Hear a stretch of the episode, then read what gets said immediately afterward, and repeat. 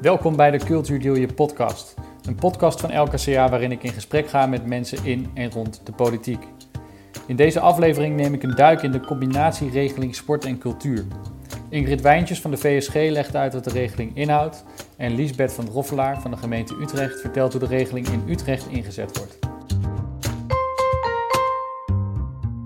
Mijn eerste gast van vandaag is eh, Ingrid Wijntjes. En Ingrid die werkt eh, bij VSG, Sport in de Buurt. Ingrid, welkom. Heel erg fijn dat je uh, te gast wil zijn in deze podcast. zou je misschien heel kort even kunnen vertellen wat de VSG precies is en dan in het bijzonder natuurlijk wat Sport in de Buurt doet? Dat wil ik zeker doen. Um, VSG staat voor Vereniging Sport en Gemeenten. En nou ja, zoals je hoort zijn wij een vereniging. Wij um, adviseren gemeenten op het gebied van sport en uh, behartigen hun belangen ook uh, in dat kader. En daarnaast voeren wij verschillende projecten uit voor het ministerie van VWS met name. Een van de grootste projecten is het project rondom de combinatiefunctionarissen, dat al sinds 2008 loopt. een van de andere grote projecten waar wij bij betrokken zijn is het Sportakkoord. Um, en nou ja, dat is een beetje in het kort um, waar de VSG eh, voor staat. En zelf ben ik dus met name betrokken bij de projecten. En uh, in dit geval nou ja, gaan we het natuurlijk hebben over de combinatiefunctionarissen. Dus in die hoedanigheid zit ik hier, spreek ik hier vandaag. Oké, en ik, ik ben nog wel even benieuwd, want je zegt de VSG is een vereniging. Dus gemeenten zijn lid, begrijp ik dat goed? Ja, dat klopt. Gemeenten zijn lid van ons, bijna alle gemeenten. Ja. Oké, ja, want ik was inderdaad benieuwd hoeveel uh, gemeenten dat dan zijn. Uh, ja, klopt. Gemeenten zijn lid van ons, uh, niet verplicht, maar er is ongeveer 70% van de Nederlandse gemeenten is bij ons aangesloten. En daarnaast hebben we ook nog bedrijfsleden. Dus dat zijn nog bedrijven die ook in deze sector participeren, zeg maar, die ook lid van ons zijn. Oké. Nou, je zei het al, ik ben nu vooral nieuwsgierig naar die combinatieregeling is best een, uh, een uh, ingewikkelde term. Uh, dus zou je misschien kunnen vertellen wat die, ja, officieel heet die volgens mij brede regeling combinatiefunctionarissen, wat dat eigenlijk is?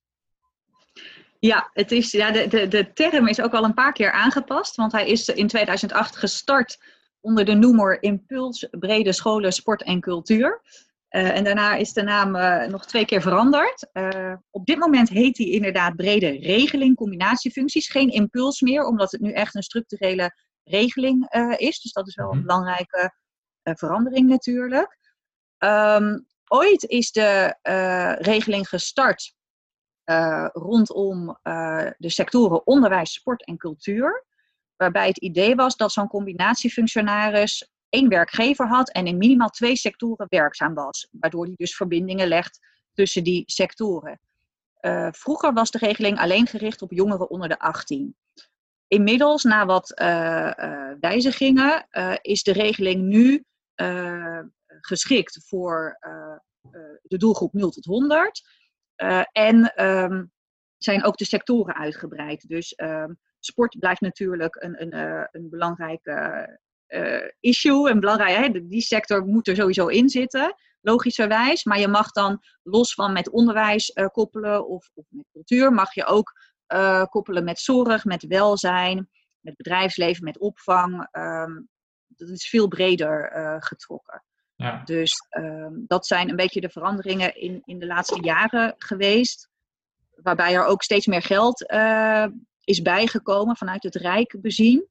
Dat is met name het ministerie van VWS wat, wat dit financiert. Maar daarnaast draagt ook het ministerie van OCMW en het ministerie van Sociale Zaken bij. Mm -hmm. uh, dus er is steeds meer geld bijgekomen, waardoor er dus steeds meer functionarissen, FTE's, handjes en voetjes, uh, aangesteld kunnen worden, lokaal. Ja, oké. Okay. Ik, probeer, ik probeer het even samen te vatten hoor. De, je hebt zeg, zeg maar drie ministeries, uh, OCW, Sociale Zaken en VWS. En die hebben allemaal wat geld beschikbaar gesteld. En gemeenten die krijgen dat geld of moeten dat aanvragen. Ik weet niet of ze dat actief moeten doen of niet. Misschien kun je daar zo nog wat over zeggen. En, en met dat geld kunnen ze dan mensen in dienst nemen, in dienst van de gemeente, die vervolgens uh, op zoek gaan naar het maken van verbindingen tussen uh, verschillende domeinen. Zo vat ik het even samen. ik ben ook vooral benieuwd naar, naar, naar dat geld. Hoeveel, hoeveel hebben we het eigenlijk over en hoe komt dat bij die gemeentes terecht? Ja, ik zal je inderdaad even meenemen in, in het traject of in het proces. Ehm, er is op dit moment uh, 75 miljoen euro per jaar beschikbaar. Het, de bulk van dat bedrag komt vanuit VWS. En ehm, gemeenten die hebben uh, voor deze regeling moeten intekenen zeg maar, via een intentieverklaring. En daarin konden ze aangeven voor hoeveel FTE wilden deelnemen. Ze hadden daarin een paar keuzes. Die keuzes die waren uh, afhankelijk van de grootte van de gemeente en het aantal inwoners onder de 18. Uh, op het moment dat zij dan die intentieverklaring bij VWS hadden ingediend, uh, nou ja, deden ze mee aan de regeling. En wordt um, een bepaald bedrag wordt overgemaakt per jaar aan de gemeente. Voor dat bedrag gaat de gemeente inderdaad handjes en voetjes regelen. ze moeten daar nog cofinanciering bij leggen. Dus het Rijk betaalt 40% van een bepaald vastgesteld normbedrag. En er moet lokaal 60% cofinanciering georganiseerd worden. Dus de gemeente heeft daarin de regie, maar het is niet zo dat de gemeente per se zelf die hele cofinanciering uh, moet betalen. Dat kan ook samen met lokale partners. En zij gaan dan uh, lokaal gaan ze dan kijken van oké, okay, waar um, hebben wij behoefte aan handjes en voetjes? Nou, dat, die behoeftes zijn bijna eindeloos. Uh, mm-hmm. um, en, en hoe gaan we dat verder organiseren? Het is ook namelijk niet zo dat de gemeente per se zelf de werkgever van deze mensen hoeft te zijn. In sommige gevallen is dat zo, in andere gevallen wordt dat belegd uh, bij een lokale partner. Um, en nou ja, op dat moment um, gaan die mensen dus aangesteld worden en, uh, en aan de slag. Ja, maar het moet en, dus wel altijd de gemeente zijn die intekent. Het kan niet een, een ja, ander soort klopt, organisatie klopt. zijn. De, ja, de gemeente is echt de, de aanvrager. En het is nu zo dat um, in 2019 is de nieuwe regeling van start gegaan. Daarvoor hebben gemeenten dus weer ingetekend. Bijna allemaal, want 350 gemeenten van de 355 in totaal uh, doen mee. Um, en um, die gemeenten hebben nu ingetekend voor vier jaar. Dus het is op dit moment is ook, zeg maar, waarvoor ze hebben ingetekend en het bedrag wat ze krijgen is vastgezet voor, voor vier jaar tot en met 2022. Dus het is op dit moment ook niet mogelijk om daar nog, uh, nou ja, voor die vijf gemeenten is het nu niet mogelijk om in te stappen na 2022 weer wel. Uh, en dan gaan we natuurlijk bezien hoe het, hoe het dan uh, allemaal eruit ziet. Mhm. Want er wordt natuurlijk van alles geëvalueerd nog.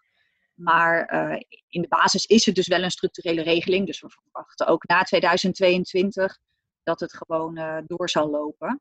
Ja. En nou ja, dit alles heeft er in ieder geval voor nu toe geleid, met het, met het geld wat we nu hebben, dat er 3665 FTE uh, aan functionarissen werkzaam is. Dus het is echt uh, een hele grote groep aan het worden, want dit zijn FTE's, dus het zijn nog eens veel meer mensen, omdat niet iedereen fulltime mm -hmm. werkt.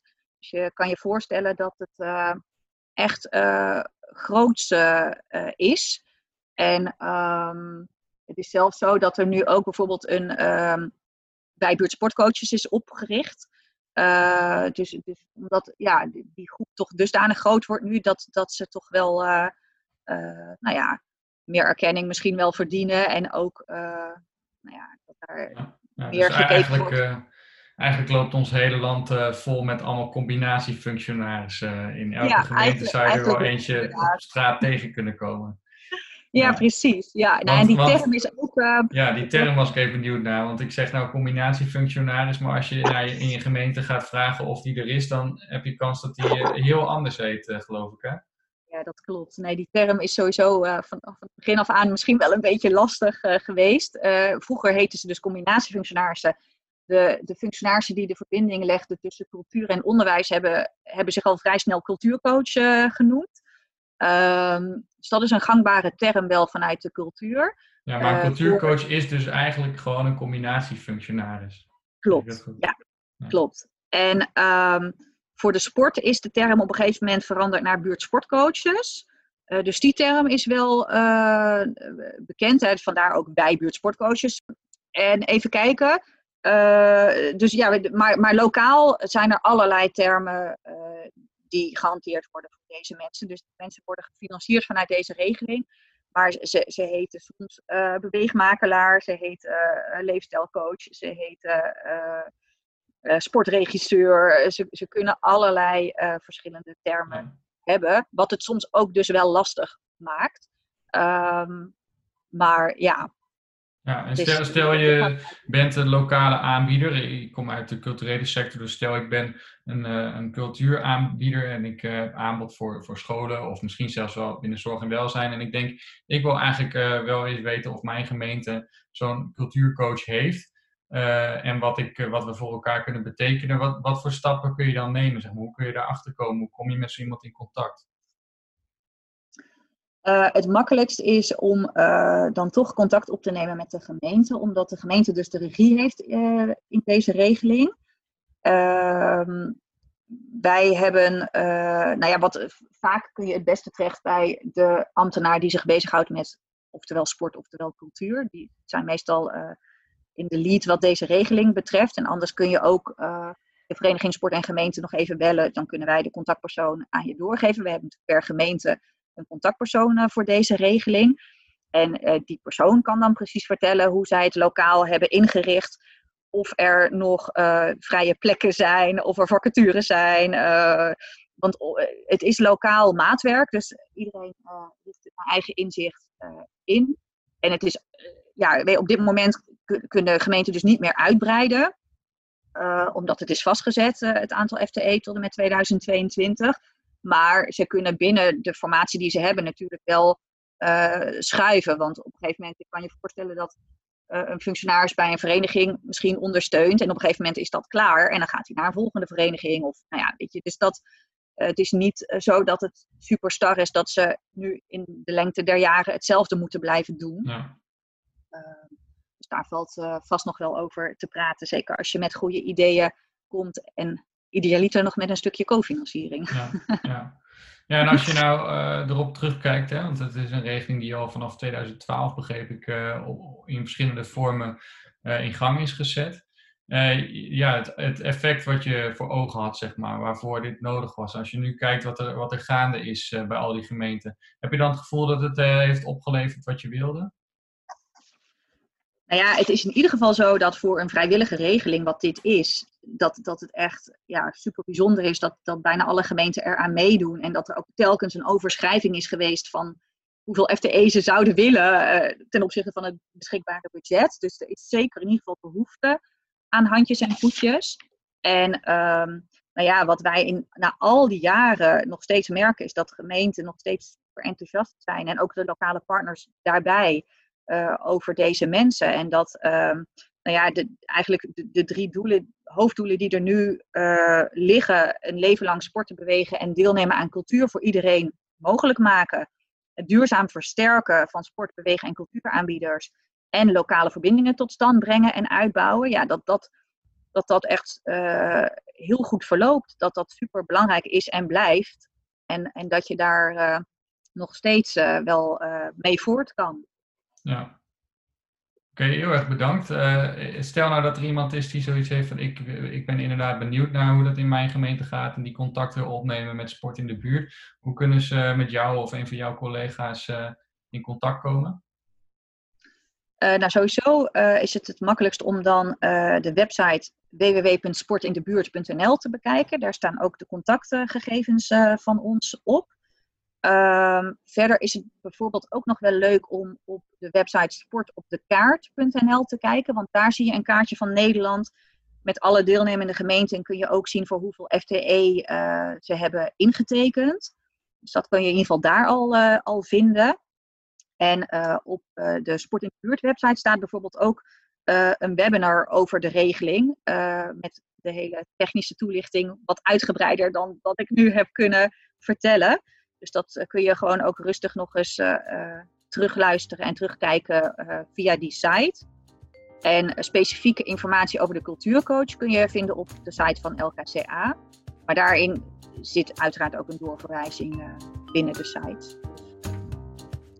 Dat zijn denk ik de belangrijkste informatiebronnen. Oké, nou hartstikke bedankt. Super interessant. Ik hoop dat er veel mooie verbindingen gelegd gaan worden de komende jaren. Vast wel. Graag gedaan. Mijn tweede gast van vandaag is uh, Liesbeth van Droffelaar. Welkom Liesbeth. Leuk dat je wil aansluiten. Dankjewel. Uh, Liesbeth, jij werkt bij de gemeente Utrecht. Kun je misschien vertellen wat je daar doet? Ik ben uh, senior beleidsadviseur op het gebied van cultuur. En wij hebben alle, het geheel verdeeld in accounts. En accounthouder betekent dat je beleidsmatig betrokken bent, maar dat je ook het beheer hebt van culturele zeg maar, instellingen hè, die meerjarig gesubsidieerd worden. En um, als het gaat om beleid heb ik onder andere in account cultuureducatie, amateurkunsteducatie en dans- en jeugdtheater, zeg maar. Oké, okay, en dan heb je dus ook in je account automatisch de instellingen die daarmee te maken hebben. Denk ik. Ja, ja, ja, zeker, ja. Oké, en valt de combinatieregeling of die combinatiefunctionaris, valt dat ook onder dat account of is dat uh, iets anders? Nee, dat valt eigenlijk voor, voor een gedeelte weer onder cultuureducatie, maar ook weer onder cultuurparticipatie. Omdat ik, ik werk ook samen nu sinds een half jaar in teamverband, zeg maar, onder leiding van een, uh, een opgavemanager, zoals wij dat dan noemen. Om veel meer de, de, het beleid zeg maar, op het gebied van amateurkunst amateurkunsteducatie en cultuureducatie meer met elkaar in samenhang te brengen. Dat is een opgave voor de komende vier jaar. Oké, en, en die combinatieregeling, eh, die past daar dan ook goed bij? Daar kun je ook echt ja. mee zorgen dat die verbinding gelegd wordt? Ja, we zijn eigenlijk in 2008 al mee begonnen met drie FTE. Dat hebben we ook heel lang zo gehad. Daar waren we toen ook al blij mee, zeg maar. En dat hebben we toen vooral ingezet, zeg maar. Um, daar had je toen nog de, de, de aandachtswijken, de krachtwijken. Ik weet niet of je dat nog kan herinneren. En we hebben ze toen vooral daar ingezet in combinatie met binnenschoolse cultuureducatie. En zoals ze zich nu heeft ontwikkeld, we hebben nu echt acht, uh, acht FTE waarvan een deel zeg maar ook de instellingen zelf voor zorgen voor cofinanciering. Dus in een soort 40-60 verhouding, zeg maar 40% steken ze zelf in, iets minder. En wij iets meer aan subsidie, zeg maar. Mm-hmm. Um, en die zetten we, we zetten ze nu vooral in, zeg maar, bij de wijk cultuurhuizen. Um, er is één uitzondering, dat is het filiaal Theatermakers. Dat is een BIS-instelling meerjarig gesubsidieerde OCW en door gemeente uh, Utrecht, zeg maar. Uh, maar filiaal Theatermakers werkt al heel lang samen in Hooggraven in Zuid met de brede school al daar. Misschien jou, jou ook wel bekend. Ja, het gaat, het gaat een beetje snel. Heel, het is heel interessant, maar het gaat een beetje snel. Want die, okay. die FTE, is dat uh, allemaal cultuur of is dat dan nog verdeeld over sport en cultuur? Nee, nee, dat is alleen maar cultuur. Want we hebben natuurlijk ook, uh, we hebben ook behoorlijk veel FTE's op het gebied van sport. Maar dat is misschien wel interessant om een keer met mijn collega van sport daarover uh, over te praten. En we hebben nog, uh, zeg maar, 12 FTE brede schoolcoördinatoren. Dus wij werken ook intern samen met onderwijs en met sport. Om het okay. met op elkaar af te stemmen. Oké, okay. maar je hebt dus acht FTE in ieder geval die zich helemaal focussen op cultuur. Ja. Zou je misschien eens voorbeelden kunnen geven van mensen die dus in dienst zijn van de gemeente binnen die regeling, wat voor dingen die zoal doen? Ze zijn dan niet in dienst van de gemeente, zeg maar, uh, maar ze zijn in dienst van een culturele instelling. En uh, zeg maar, ik weet niet of je Utrecht een beetje kent, maar vooral het, het, uh, het stimuleren van het creatieve vermogen en talentontwikkeling is natuurlijk wel een van onze pijlers hè, van de cultuurnota 1720, maar ook van 2124. Dat is één. Twee, het, uh, vooral het wijkgericht werken is natuurlijk ook al, heeft meer en meer vorm gekregen de afgelopen jaren. Zo hebben wij natuurlijk nu ook in een aantal stadsdelen wijkcultuurhuizen, uh, waaronder Cultuur 19 in uh, Vleuten de Meer en Leidse Rijn. De Vrijstaat ook in Leidse Rijn, zeg maar. Ik noem ze even op, hè, die allemaal cultuurcoach uh, in dienst hebben. Dat zijn er dus al twee. Dan hebben we Zimik in Noordwest. Uh, zij hebben ook een cultuurcoach. Dan hebben we Zimik in Overvecht. En ze stemmen dat weer af met cultuurhuis uh, Kanaleneiland Overvecht. dat is een nieuw cultuurhuis in Overvecht. want Stefanus zit er natuurlijk al veel langer, wordt beheerd door Zimik. Dan hebben we cultuurhuis Kanaleneiland in Zuidwest. En het filiaal uh, theatermakers hebben in Zuid. Dus volgens mij heb ik ze dan allemaal gehad. En oh ja, dan hebben we nog het Wilde Westen in West. En ze hebben ook een cultuurcoach in dienst. Oké, dus ik hoor allemaal ja, soort cultuurhuizen, uh, noem je het. Hè? Die hebben ja. allemaal uh, een cultuurcoach in dienst. Ja. Maar wat doet diegene daar dan zo'n beetje? Ja. dat is eigenlijk, um, dit is ook onderverdeeld in doelgroepen. Dan, je hebt een deel jongeren en een deel uh, kinderen, zeg maar. En van de kinderen, uh, zeg maar, uh, vooral dat heeft, heeft te maken met traditie, werken zij vooral samen met scholen in het primair onderwijs. Dat zie je vooral in Leidse Rijn, Vleuten de Meren en in West, maar toch ook wel in Noordwest. Dus dat is het grootste gedeelte. En dan heb je ook weer de buitenschoolse zeg maar, variant. Dat zie je vooral ook in Noordwest en in Overvecht. En dat heeft ook te maken, denk ik, met type wijken, zeg maar, wat je daar dan ziet, omdat het vooral kinderen zijn. Niet vooral, ja, veel kinderen zijn, met toch ook wel uh, ja, behoorlijke afstand tot kunst en cultuur. Om toch ook, zeg maar, die verbinding te houden, niet alleen binnenschools, maar ook buitenschools. En wat vrij nieuw, en de jongeren zie je vooral zeg maar, vanuit Cultuurhuis Kanaleiland, Overvecht en Cultuur 19, zeg maar in Leidse Rijn. En dat is dan niet zozeer binnenschools, maar vooral zeg maar in de vrije tijd. Ja. En dat betreft dan ook allerlei activiteiten. En wat vrij nieuw is, en dat heeft te maken natuurlijk met de verbreding van de Rijksregeling. Um, dat zeg maar um, niet meer alleen maar met onderwijsinstellingen wordt samengewerkt, maar ook bijvoorbeeld met jeugdzorginstellingen, met zorginstellingen. Maar dat is eigenlijk, daar is maar pas in 2019 eigenlijk mee begonnen. Ja, want ik hoor inderdaad uh, heel veel voorbeelden van wat zo'n cultuurcoach, waar die zich op kan richten. Ja. Maar ik begreep dat hij niet zelf, uh, zelf echt culturele lessen geeft. Nou, dat is heel verschillend. Uh, we zijn eigenlijk begonnen, en dat was om te voorkomen dat het alleen maar coördinatie is, zeg maar, in 2008, om heel sterk vanuit een subsidieregeling op die uitvoering te richten. Mhm. En je ziet dat zo langzamerhand uh, vanuit de uitvoering dat er meer zeg maar uh, coördinerende rollen zijn gekomen. En omdat dat wijkgericht werken, dus die buitenschoolse variant ook sterker is geworden, is het ook organiserend. Dus het is een mix van allerlei taken is het geworden. Oké, dus het kan wel gewoon ook zijn dat een cultuurcoach ook zelf echt activiteiten organiseert. Absoluut, ja, absoluut, ja. ja. Bijvoorbeeld uh, Annemarie Knippels van het filiaal uh, geeft zowel workshops als lessen, uh, zeg maar binnenschools, als dat zij ook buitenschools, zeg maar, een aantal taken heeft. Dat kan. En dat geldt ook voor het Wilde Westen. En het geldt ook vooral ook voor de Vrijstaat in, in Leidse Rijn. Okay, en jullie zijn al een paar jaar bezig. Hè? En, wat levert het je nou op werken met die cultuurcoaches, als je daar een beetje op terugkijkt? Nou, wat, je, wat, je, wat het oplevert, dat zou je aan de instellingen zelf moeten vragen. We zijn daar wel heel tevreden over, omdat ze vooral, zeg maar, um, laat ik het zo zeggen, veel wij cultuurhuizen hebben naast, zeg maar, uh, de cultuurcoaches ook andere activiteiten. Hè? En je ziet dan vooral, uh, en dat is niet alleen klantenbinding, maar vooral ook kinderen, dat ze naast het kennismaken op school, dat het ook heel fijn is, zeg maar, voor de kinderen die dat dan van huis uit, waar het gestimuleerd wordt en waar ze de ruimte voor krijgen, dat je ze ook mee kunt nemen, zeg maar, in, in talentontwikkeling of in verder het stimuleren van het creatief vermogen van kinderen, maar dus ook van jongeren. Want jongeren bereik je dus gewoon niet via, uh, via school en dat is ook niet de insteek. Maar je zou eens een keer met eh, de nieuwe directeur van Cultuurs Kanaleiland eens kunnen van gedachten kunnen wisselen. Wat het Cultuurskanaal-eiland, maar vooral de jongeren zeg maar, van Kanaleiland nu heeft opgeleverd om inderdaad uh, activiteiten zeg maar, samen met cultuurcoaches te doen. Hm. En dat heeft heel erg. Dus op, op, in Kanaal en zie je natuurlijk is heel veel zeg maar street art hè, activiteiten. En dat is weer heel anders dan Leidse Wijn, zeg maar. Dus het heeft ook een beetje met, het, met de vraag vanuit de jongeren, vanuit de wijk zelf te maken, wat voor type activiteiten. En je ziet vooral dat die cultuurcoaches in staat zijn om niet alleen maar interessant aanbod te bedenken, nee, vooral te kijken waar ligt nu de vraag. Dat is één.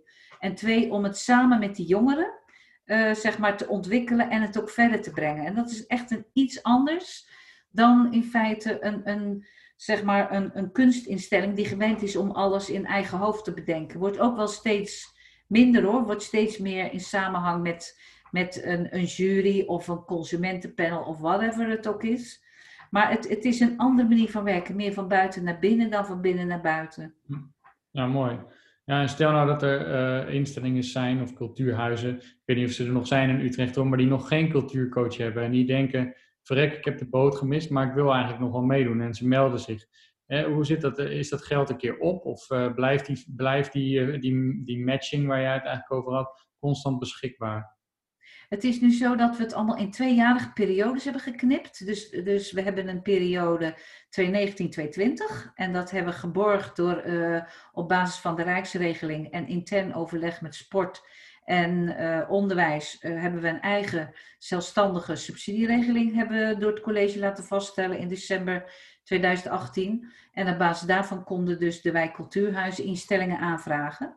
Nou, in totaal uh, zeg maar, werd er dus wel meer aangevraagd dan budget beschikbaar was. Uh, maar op basis natuurlijk van de, van de regeling en de, de beoordelingscriteria hebben we dat ook beoordeeld. En dat loopt nu af. En zeg maar twee weken geleden is een nieuwe subsidieregeling vastgesteld door het college voor de periode 21-22. We gaan natuurlijk vanuit dat dit allemaal structureel is. Maar ja, wat is structureel nog op dit moment?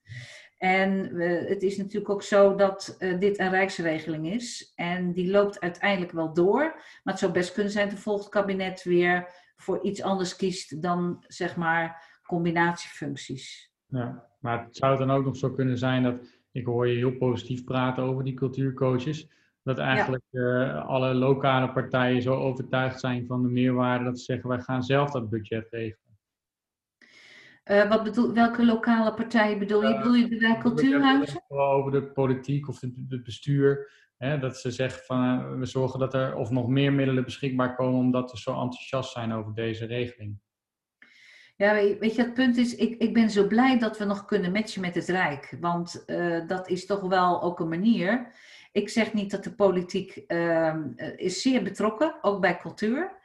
Maar het is natuurlijk voor 8 FTE's een relatief klein budget. Dat zou een voordeel kunnen zijn. Tegelijkertijd gaat het wel weer over personeel. Um, en de druk op het cultuurbudget is uh, gewoon hoog in Utrecht. Dat begrijp je wel. En we hebben natuurlijk ook wel weer voor de periode 21-24 meer budget bijgekregen voor de meerjarige instellingen. Maar ik ben toch altijd nog blij dat er nog een aparte regeling combinatiefuncties is omdat dat om wijkgericht werken gaat. En het, het gros van het cultuurbudget eh, wordt eigenlijk besteed aan kunstaanbod. Zo zeg ik het maar even kort door de bocht.